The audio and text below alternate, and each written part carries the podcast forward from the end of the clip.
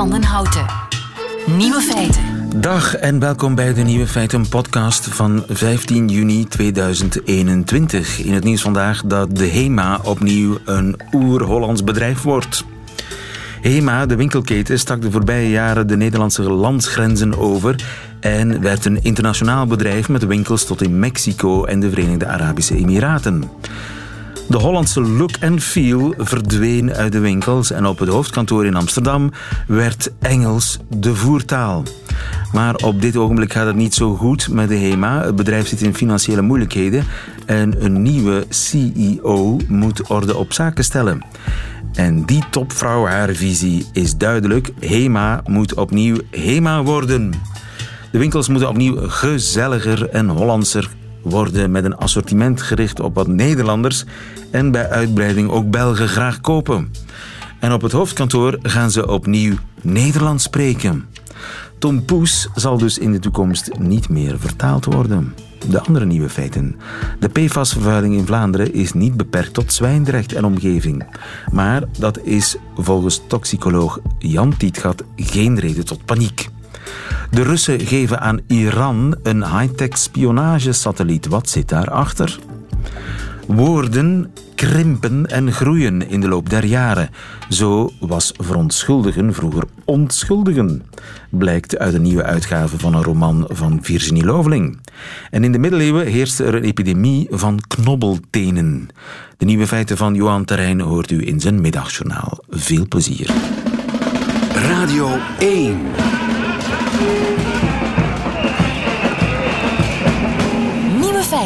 De PFOS-vervuiling in Vlaanderen die beperkt zich niet tot Zwijndrecht en omgeving. PFOS zit zowat overal in Vlaanderen, blijkt uit recente studies. Professor Jan Tietgat. Goedemiddag. Uh, goedemiddag. Toxicoloog aan de Universiteit van Leuven.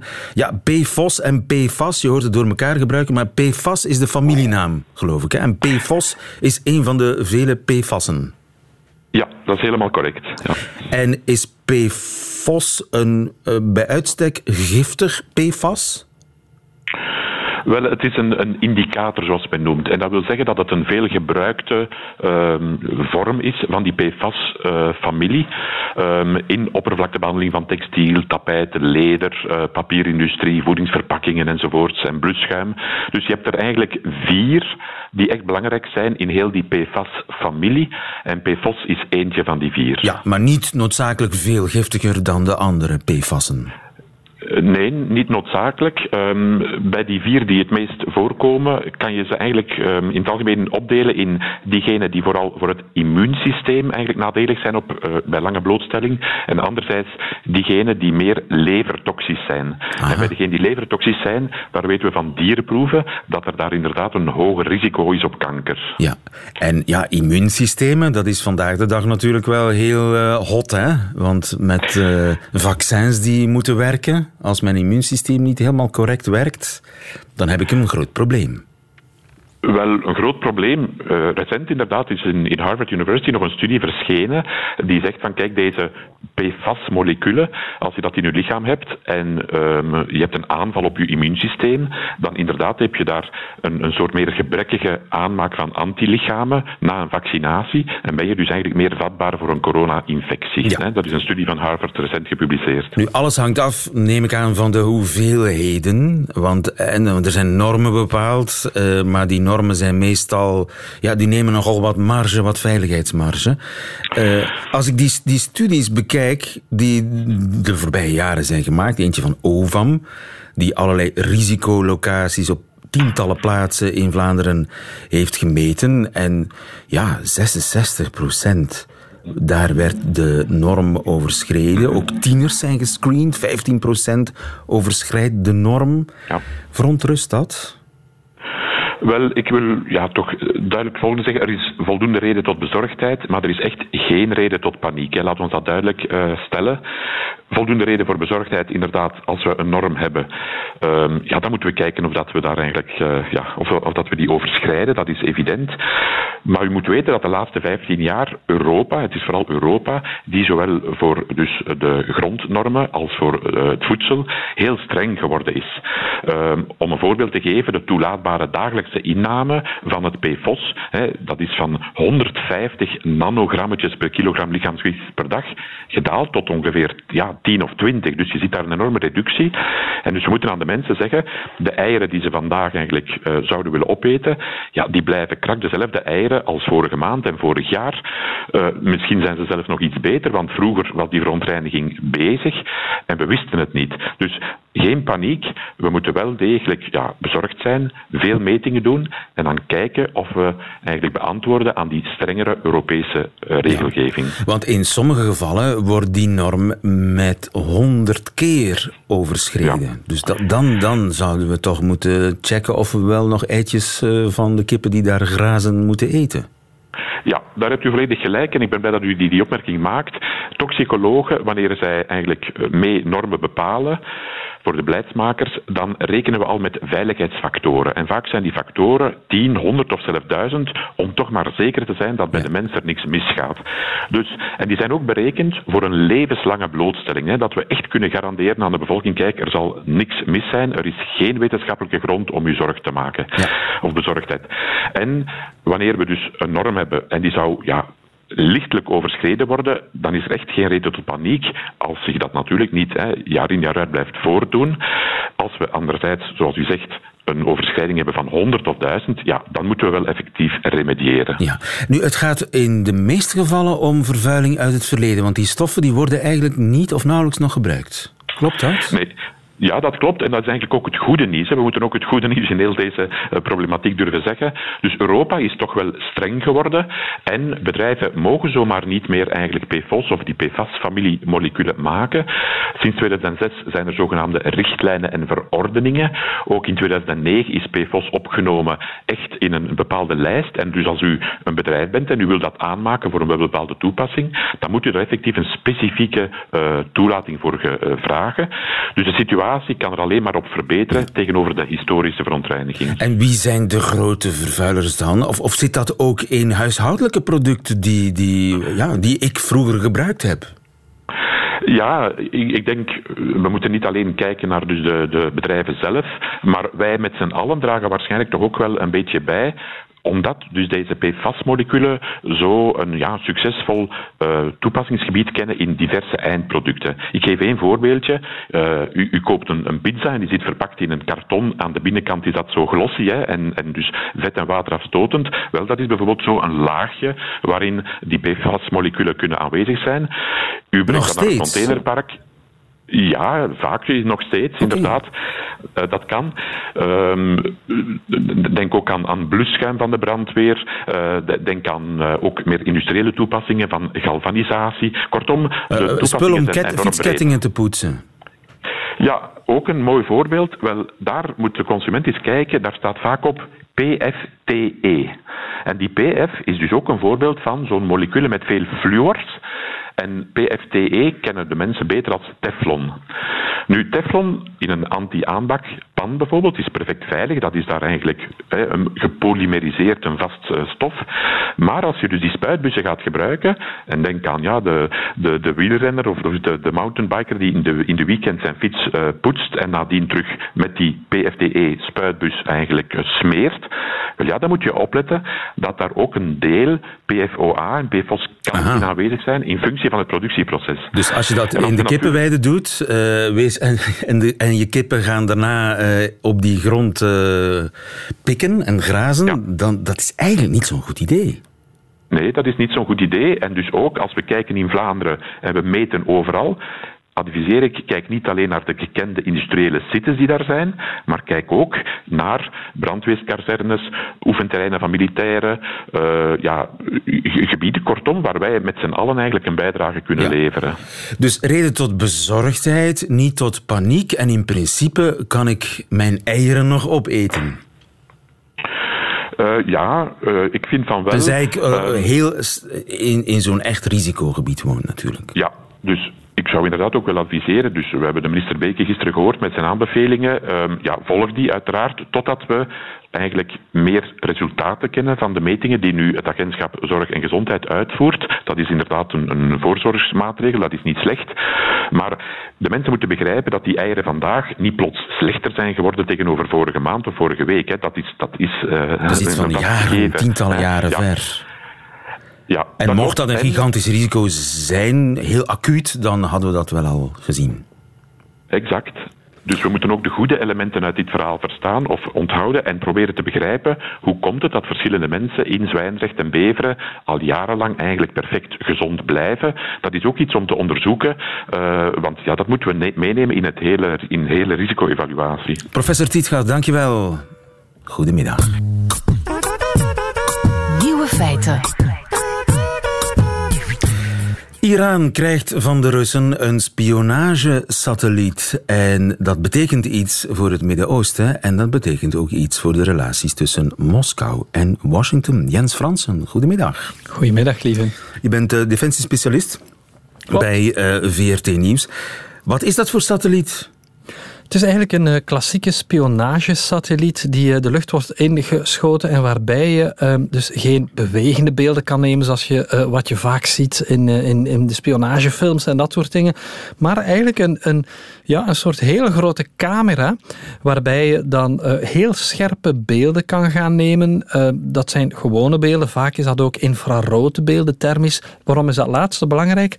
Omdat je dan op basis van bijvoorbeeld de hitte uit een schoorsteen van een fabriek kan gaan bepalen of bijvoorbeeld fabriek eh, A of B nog steeds werkzaam is. En Iran kan dat soort spionagesatellieten goed gebruiken. Dat hebben ze niet zelf. Nee, ze hebben er eentje zelf uh, de, de, lucht ingeschoten een aantal maanden geleden, maar daar wordt nogal smalend over gedaan. de Amerikanen noemden het een wiebelende webcam, uh, maar dan in de ruimte.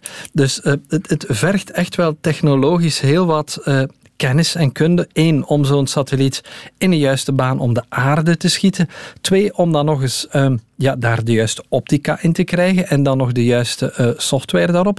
Maar dan drie, moet je het ding natuurlijk ook nog kunnen gaan aansturen via software en moet je natuurlijk ook nog die data links constant kunnen aanhouden. Dus het vergt wel een aantal capaciteiten van een land. Ja, en Rusland heeft die capaciteiten en leent die welwillend aan Teheran. Ja, Rusland, uh, het is al een aantal jaren dat ze erover spreken. Hoor. Eigenlijk al vanaf 2015 dat er heel nauwe contacten zijn, dat Iran aanstuurt op um, zo'n samenwerking, al dan niet het kopen. Overigens, ons land doet dat ook. Hè. We hebben een, uh, begin dit jaar nog zijn we in een systeem ingestapt waarin dan eigenlijk drie Franse satellieten de lucht werden ingestuurd samen met Duitsland. Um, Zweden doet ook mee. En waarbij dan eigenlijk met een aantal landen gaat uh, die beeldbank gaat delen. In dit geval zou Iran het alleen doen, al dan niet samen met de Russen. Maar het zou dus betekenen dat Iran ook zelf die trajecten kan gaan bepalen en zelf bijvoorbeeld kan gaan zeggen: kijk, wij gaan nu um, we gaan die satelliet een, een koers om, om de aarde uh, doen, doen, waarbij de ene keer over Syrië passeert, de andere keer over, ik zeg maar iets, Jeruzalem of Tel Aviv, een andere keer over Brussel. Um, en Iran kan dan eigenlijk onge, zonder enige hinder overal binnenkijken waar het wil. Ja, en wat betekent dat voor de machtsverhoudingen in het Midden-Oosten? Dat bijvoorbeeld Iran heel goed kan ja, Saudi-Arabië uh, observeren of Jemen? Wel, dat is heel belangrijk omdat uh, een aantal wapens uh, natuurlijk GPS gecontroleerd zijn. Dus ik zeg maar iets, je zou als rebellenbeweging gesteund door Iran bijvoorbeeld in Saudi-Arabië een, een olieraffinaderij willen gaan, ehm, gaan aanvallen met een drone, dan heb je daar de exacte GPS-locatie van nodig. Nu zou je kunnen zeggen, ja, maar dat zie je toch ook op Google Maps? Klopt.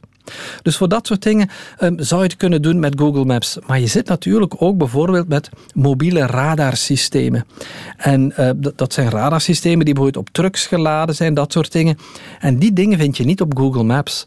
Um, en dan kan je met zo'n beelddatabank, hè, want die satelliet blijft dag en nacht maar rondvliegen, kan je bijvoorbeeld gaan zeggen, kijk, wij gaan nu elke dag uh, een paar keer of elke week een paar keren boven een bepaalde plek gaan vliegen. En dan kan je echt een beelddatabank gaan opbouwen en dan kan je inderdaad die bewegende doelen van de vijand, mocht je daar al in geïnteresseerd zijn, kan je die gaan beginnen plotten en kan je die in de gaten gaan beginnen houden. En kan je dan met de juiste GPS-coördinaten die doelen gaan, gaan aanvallen.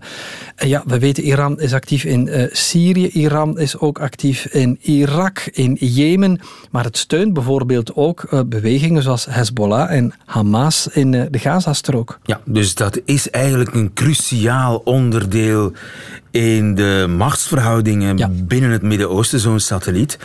Uh, Poetin, doet hij dat om Biden te pesten? Um, dat zal ongetwijfeld meespelen, want je voelt, um, de Russische president heeft door dat uh, nu Trump weg is. Um, Trump die was, die had een zeer isolatie, uh, die, die, die, had een, een, een beleid van America Amer First. America First, daar gaat het om. Biden is weer helemaal terug. En die wil een aantal van die invloedssferen die uh, Trump heeft opgegeven, opnieuw zelf gaan invullen. En je voelt dat er een soort uh, ja, damwedstrijd bezig is, of een soort schaakspel, waarbij iedereen zoveel mogelijk pionnen op het, uh, op, op, op het schaakbord wil hebben. En dit is een van die pionnen die Rusland ook relatief makkelijk zou kunnen opgeven. Want het, het gaat niet over heel grote fabrieken die al gebouwd zijn, het gaat over contracten. Maar het zal één van die vele pionnetjes zijn waarover morgen in uh, Zwitserland gesproken zal worden. Hè. Het zal gaan over cyberterrorisme, het zal gaan over de Russische rol in Syrië. Maar het zal ook gaan over de, de, de goede relaties tussen Moskou en Teheran, ongetwijfeld. Ja, en over de nucleaire deal die er ooit geweest is. Klopt, ehm, die ligt op dit ogenblik. Ja, de, de onderhandelingen zijn bezig hoor. In Wenen op dit ogenblik, de experts zijn bezig. Maar er zijn vrijdag, dus binnen het eind van deze week, zijn er verkiezingen in Iran. En dan moet er een nieuwe president verkozen worden. Eigenlijk weten we wel een beetje wie dat gaat worden. Dat is een eh, hardliner, Ibrahim eh, Raisi. Eigenlijk een beetje de harde vuist van het regime. De man die eigenlijk verantwoordelijk is voor al die executies, voor het opsluiten van dissidenten. Als die man wordt verkozen tot president, zal het daarmee zijn dat onderhandeld moet worden. Maar, maar, zolang er geen nieuwe president is natuurlijk, ja, is het moeilijk omdat je niet echt een, een verkozen partner hebt aan de andere kant van de tafel. Maar verwacht dat eenmaal die nieuwe Iraanse regering geïnstalleerd is, dat er ook snelheid zal komen in die onderhandelingen over dat omstreden atoomdossier van Iran. Ja, en dan is het natuurlijk belangrijk uh, wie welke troeven heeft. Voilà. En in, dat op, in die context moet je die uh, spionagesatelliet zien die de Russen aan uh, Iran geven. En in ieder geval is er morgen, als Poetin en Biden elkaar in de ogen kijken, genoeg gesprekstof. Dankjewel, Jens Fransen. Goedemiddag. Nieuwe feiten. Grote verrassing in Engeland, waar ze beenderen uit de middeleeuwen hebben opgegraven. En er is iets raars met de voeten van die middeleeuwers. Die voeten voeten, die hadden namelijk heel vaak last van knobbeltenen. En misschien weet Hilde Kolpaard daar meer over, want zij is curator van het Schoenenmuseum in Izegem. Goedemiddag, Hilde. Goedemiddag. Knobbeltenen, wat zijn dat? Ja, iets wat niet zo leuk is natuurlijk om te hebben. Het is een vergroeiing aan het gewrichtje van de grote teen met de voet, waarbij, je een, waarbij de grote teen schuin komt te staan. En op den duur, als dat heel erg wordt, dan kan je dus ook evenwichtsproblemen hebben, want uh, de grote teen dient daarvoor. Hè. En dus die grote teen die gaat naar binnen draaien. Inderdaad. En dus je krijgt een grote binnen, knobbel ja, naar buiten aan, aan de zijkant van je voet. Ja, inderdaad. Dat is het. En was er een epidemie van knobbeltenen in de middeleeuwen? Um, een epidemie, ja, het ziet er misschien zo een beetje uit hè, aan de resultaten van het onderzoek dat men gedaan heeft. Want uh, men heeft uh, een drietal begraafplaatsen in de buurt van Cambridge uh, onderzocht, de skeletten ervan onderzocht. En daar heeft men ontdekt dat er toch wel 27% van die skeletten zo'n knobbeltenen heeft. Het gaat dus vooral over mannen ook. Um, het zijn verschillende begraafplaatsen, dus zowel waar er klerus en rijken lagen.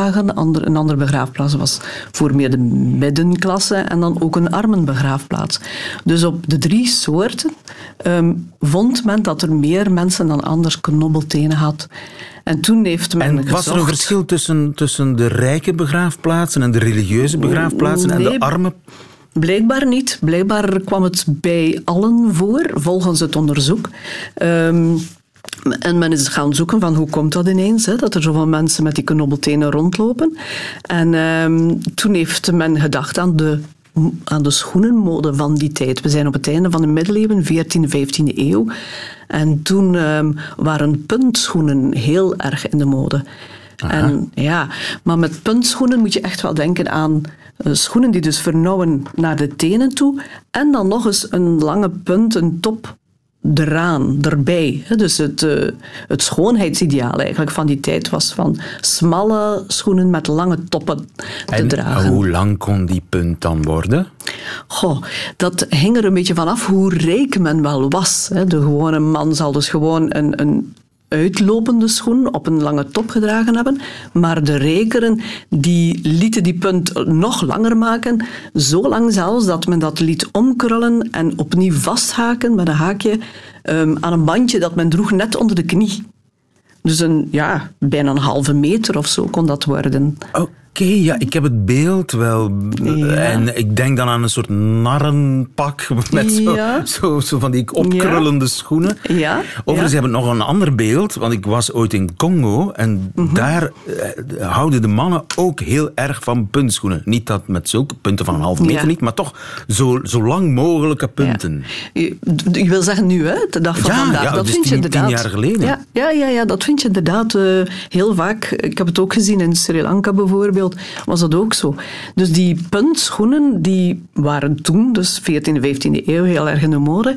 Maar um, die, die zijn er ook vandaag. Hè, als je denkt aan uh, damesschoenen, de pumps die men draagt, hè, die, die hebben ook heel vaak heel scherpe, spitse toppen. En dat is dus blijkbaar niet zo goed voor de tenen. Hè, want de tenen die worden in die spitse top samengeduwd. Die hebben niet voldoende plaats. Um, wat dus de natuurlijke manier van lopen ook niet meer mogelijk maakt. En um, doordat die tenen geen, niet voldoende plaats krijgen, um, groeit de grote teen dus helemaal scheef naar de andere tenen toe. En krijgen we die vergroeiing, die hallux valgus, zoals men dat heet, um, aan het gewrichtje van de teen, van de grote teen dan. Ik zit hier dat onderzoek te bekijken en ik lees dat 70% van de monniken... -huh. Bijna 70% van de monniken had knobbeltenen. Ja, dus ook de kleren was er niet vrij van. Um, dat toont wel iets over de manier van denken van die tijd. Hè? Van de, de, de kleren, de rijkere klasse, die moesten echt wel opvallen door die lange toppen, door die spitse toppen. En dus het, het verschijnsel mode um, wordt dan heel erg belangrijk. Ja, ijdelheid is nogthans uh, een van de zeven hoofdzonden, hè, dacht ja, ik. maar toch, toch, toch, ook de clerici die lieten zich daaraan bezondigen. Ja. Ze werden er wel voor op de vingers getikt, hè, want men heeft dan in de wetgeving en ook in de kerk hoor, heeft men geprobeerd om, uh, om weer wat soberter te zijn en uh, um, een, een, wetgeving die dat zelfs gaat verbieden, die heel lange toppen wordt eruit gevaardigd. Ja, maar want, de, de, de, de ijdelheid was hardnekkig bij. Modebewuste monniken. Ja. Het, het, het, het, stelt ons beeld toch een beetje bij van die, die middeleeuwen. Hè, waar, Mhm. de, de, eigenlijk in de middeleeuwen waren mannen zeer modebewust. En wilden die uh, lange tenen, omdat dat uh, rijkdom uitstraalde. Ja, late middeleeuwen zijn we dat wel. Hè? Late middeleeuwen. Ja. En ze kneken daar knobbeltenen van, maar ja, wie mooi wil zijn, die moet lijden. Ja, en dat zien we ook in, op andere momenten uh, in de geschiedenis nog weer komen. Hè? Ja. Als je denkt aan de corsetten bijvoorbeeld. Ja. Hè? Uh, van dames die uh, ja, het middenrif, het onderste gedeelte in elk geval van de ribbenkast, gewoonweg dicht snoerden om een zo smal mogelijk middel te hebben. Dat was ook niet gezond. Hè? Ja. En uh, comfortabel was het toch ook niet, hè? als ik nu naar die, die rare schoenen terug ja. kijk? Nee, zeker niet. Um, het bleek dus ook in dat onderzoek dat er heel veel van die mensen dat die ook ergens een breuk hadden opgelopen. Dus de, zoals ik in het begin zei, het evenwicht was je wel een beetje kwijt doordat die schuin, doordat de grote teen volledig schuin stond.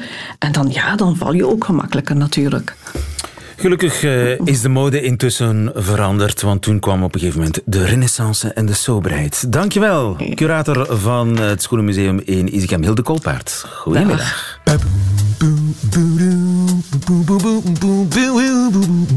Radio 1.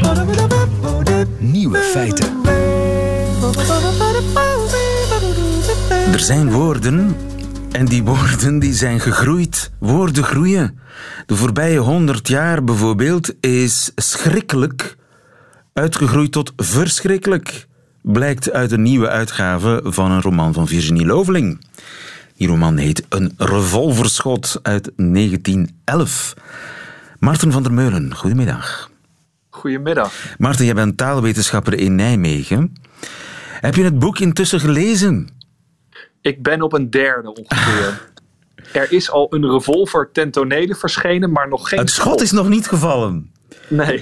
Virginie Loveling, razend interessante dame, geboren in Nevelen, Oost-Vlaanderen. Uh, het grootste deel van haar leven in Gent gewoond, denk ik. Tante van Cyril Buijsen, die andere Vlaamse schrijver. Vrijgevochten, scherpzinnige dame. Heel grappig, herinner ik mij. Als ze over de Gentse bourgeoisie schrijft, bijvoorbeeld, die graag roddelt in een mengeling van Gens en Frans. En bijvoorbeeld over iemand waarvan vermoed wordt dat hij homoseksueel is, wordt dan gezegd: Sa main gauche est un peu slapkes. Sa main gauche est un peu slapkes. Ja, dat, een, uh, dat zou nog altijd kunnen gezegd worden, denk ik, in bepaalde Gentse kringen. Nu, uh, dat boek verscheen dus oorspronkelijk in 1911. Een revolverschot verscheen in Utrecht, in het Nederlands van toen. En die taal die is nu omgezet in hedendaags Nederlands. En over die omzetting heb jij een stuk geschreven in ons erfdeel, want het is merkwaardig, bijvoorbeeld, dat sinds 1911 sommige woorden zijn langer geworden. Ja, dat klopt. Uh, dat viel me best wel op. Dus woorden als verschrikkelijk, uh, je noemde het al, maar ook uh, vinden we in de oude versie onschuldigen en pletterend, waar dat nu tegenwoordig toch wel verpletterend en veronschuldigen moet zijn. Um, dus vroeger zeiden ze, mag ik me onschuldigen? Of je moet me ja. onschuldigen. Jij moet mij ja, onschuldigen, zeiden ze waarschijnlijk. Ja. En hoe zeiden ze dan openbaring?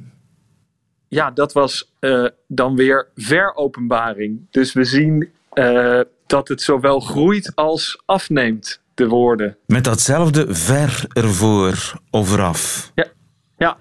Nou, en dit zijn niet ja, nieuwe inzichten, maar het is gewoon ontzettend leuk om zoiets te zien in zo'n roman. Dat dat daardoor zo voor het voetlicht wordt gebracht. En hoe zeg je samen in, de oorspronkelijke, in het oorspronkelijke revolverschot?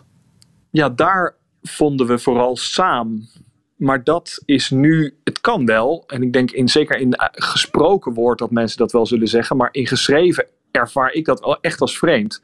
Dus daar zien we dat het ook weer langer is geworden.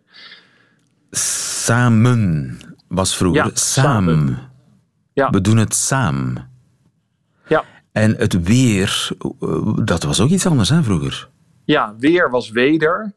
Uh, en dat zie je ook bij best wel wat woorden. Dus ook uh, uh, nader vinden we natuurlijk. Maar dat, dat kan nog wel, denk ik tegenwoordig. Maar weder voor weer, dat ervaar ik wel als wat ouderwets. Um, maar dat is misschien niet voor iedereen zo. Mede, voor mee ook bijvoorbeeld. Ja. ja. Dat gevalt niet mede, zou je wel zeggen. Dat valt niet mee. En ja. uh, wandelaars waren vroeger uh, geen wandelaars, maar nee, wandelaren. Precies. en dat, dat, is, dat is grappig. Dus die meervoudsvorm voor zelfstandig naamwoord uh, op S, daarvan uh, wo ja, wordt wel aangenomen dat dat toeneemt. Veel Engelse woorden bijvoorbeeld, die we nu ontlenen, die hebben een meervoud op S. Maar ik vond het heel leuk om te zien dat dat proces dus ja, hier ook zichtbaar is. Dus uh, lantaarnen werd, is nu lantaarns, horens werd hoorns. Maar ook hier zien we weer dat het de andere kant op werkt. Dus blijkbaar kwam in het origineel voor het meervoud van vinger tegen als vingeren. En dat ervaar ik toch wel als wat merkwaardig, laat ik het zo uh, uitdrukken. Uh, dat is nu echt altijd vingers, volgens mij. Volgens mij ook. Nu, misschien, ja. misschien moeten we het origineel lezen. Is dat veel leuker dan die, die uh, hedendaagse het, omzetting? Het origineel staat, voor zover ik me bewust ben, gewoon online gratis op de website van de DBNL. Um, maar dan zonder, ja, zonder aanpassingen. Is dat nog leesbaar? Kun je dat vlot lezen? Ja, dus de, uh, en, en de, de, de Vlaamse schrijfster die de gemoderniseerde versie heeft uh, bezorgd, Annelies Verbeke, die is ook vrij expliciet daarin. Uh, het origineel is zeker leesbaar. Alleen wat zij heeft gedaan is een aantal drempels weggehaald. Dus de spelling in het origineel is wat um, onregelmatiger. er zitten dingen in die wij nu echt als fout zouden ervaren. Of althans, ik doe dat wel. Ehm, en wat ze ook zegt is van ja, sommige woorden, zoals bijvoorbeeld mede en weder, die veel voorkomen, die krijgen daardoor heel erg nadruk. En die nadruk ja, eh, voor, voor hedendaagse lezers. En dat, ja, dat, dat richt de aandacht op, op taal waar dat niet per se nodig is. Dus daarom heeft zij er toch voor gekozen om een aantal, uh, aantal ingrepen te plegen. Uh, maar, en dat benadrukt ze ook, ze blijft wel heel dicht bij het origineel. Dus ja. uh, Loveling is heel innovatief in haar zinsconstructies en in haar uh, ja, adjectief gebruik bijvoorbeeld. En dat houdt ze zoveel mogelijk in stand. Ja, merkwaardig toch hè, hoe een taal kan veranderen op ja, 110 jaar tijd. Ja, absoluut. Uh, dat, dat is ook. Het is iets. We weten het wel. Alleen je staat er zo weinig bij stil, denk ik. En het zijn juist, als je kijkt naar, dus de, nou ja, nogmaals, ik ben op een derde van het boek, de verantwoording ken ik van binnen en van buiten inmiddels. Um, het zijn zoveel kleine dingetjes. Weet je, we zijn ons wel bewust van een woord hier, een woord daar, of een bepaalde zinconstructie die misschien verandert. Maar het zijn zoveel kleine stukjes die telkens veranderen. Dat is fascinerend om zo te kunnen zien. Ja, en er is altijd heel veel verzet als taal verandert. Maar die taal verandert sowieso. Ja, en hier zie je dat, vind ik heel mooi. Dus een aantal van die woorden die dan uh, vroeger Ehm, los werden gespeld. Dus bijvoorbeeld ineens, uh, dat schrijven we tegenwoordig aan elkaar als ineens. En er zijn ontzettend veel van dat soort woorden. Uh, weliswaar, bijvoorbeeld, niet tegenstaande. Ga zo maar door. Werd vroeger allemaal maar door. apart geschreven. Niet aan elkaar. Ja, een aantal van die woorden, of, al die woorden werden op zeker moment losgeschreven. En omdat we ze als één zijn gaan ervaren, schrijven we ze nu aan elkaar. Maar dat gebeurt nu ook. En als mensen nu dat soort woorden aan elkaar schrijven, dat soort uitdrukkingen eigenlijk, daar, daar is dan heel veel verzet tegen. En dat, dat vind ik, dat getuigt toch wel van weinig reflectie um, op hoe vaak dat wel niet voorkomt. Ja, dus heel veel mensen schreeuwen taalverloedering als iemand bijvoorbeeld uh, ja, uh, voor de hand liggend aan elkaar zou schrijven. Dan zo foei, foei, foei. Maar eigenlijk wie weet, over een jaar of tien is er een, is er een verandering die dat mogelijk maakt. Ja, absoluut. En ik, ik denk bij dat soort uh, geschreeuw dan van kijk toch eens verder in de taal en zie eens hoe vaak dat toch wel voorkomt. Um, en misschien dat dat dan het, ja, het gemoed wat tot bedaren kan brengen. Je bent intussen op uh, de kleine helft van een revolverschot. Ga je doorlezen? Ja, absoluut. Want uh, het is, dat moet ook benadrukt. Dus het gaat om een heruitgave in het kader van Fix Dit. Een uh, literair collectief dat meer vrouwen in de kanon wil. En die hebben een leesclub. En daar wordt het boek besproken. Ik moet het daarvoor natuurlijk wel uit hebben. Ja, en wie weet is Virginie Loveling een ware ontdekking voor jou. Marten van der Meulen, dankjewel. Goedemiddag. Graag gedaan. Nieuwe feiten. Dat waren ze, de nieuwe feiten van 15 juni 2021. Johan Terrein heeft er ook nog een paar in zijn middagjournaal. Nieuwe feiten. Middagjournaal. Beste luisteraar, soms vertelt een autocorrectie meer over jezelf dan je zou willen. Toen ik onlangs in een chatgesprek het onderwerp Doe het zelf aansneed, vraag me niet waarom, want het zou ons te verleiden, maar iemand had zelf een trapje naar huis gemaakt en ik moest dat even bewonderend bevragen. Doe hetzelfde dus.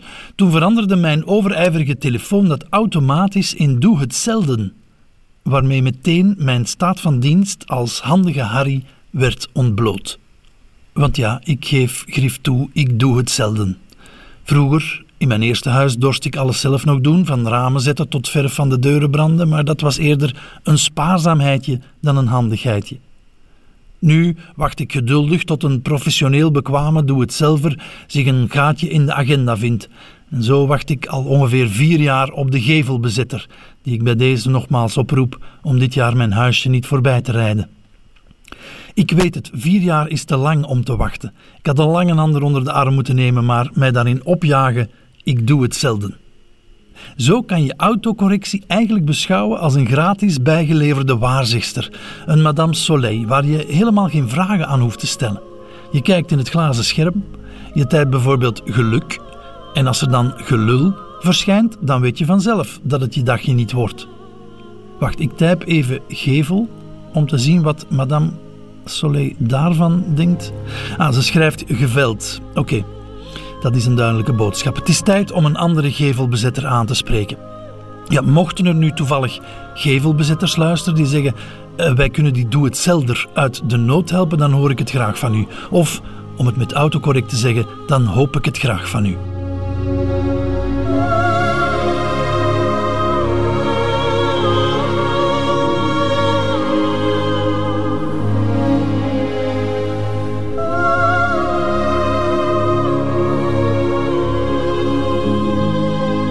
Het Middagjournaal met Johan Terrein. Einde van deze podcast. Hoort u liever de volledige nieuwe feiten met de muziek erbij? Dat kan natuurlijk via radio1.be en via de Radio 1 app.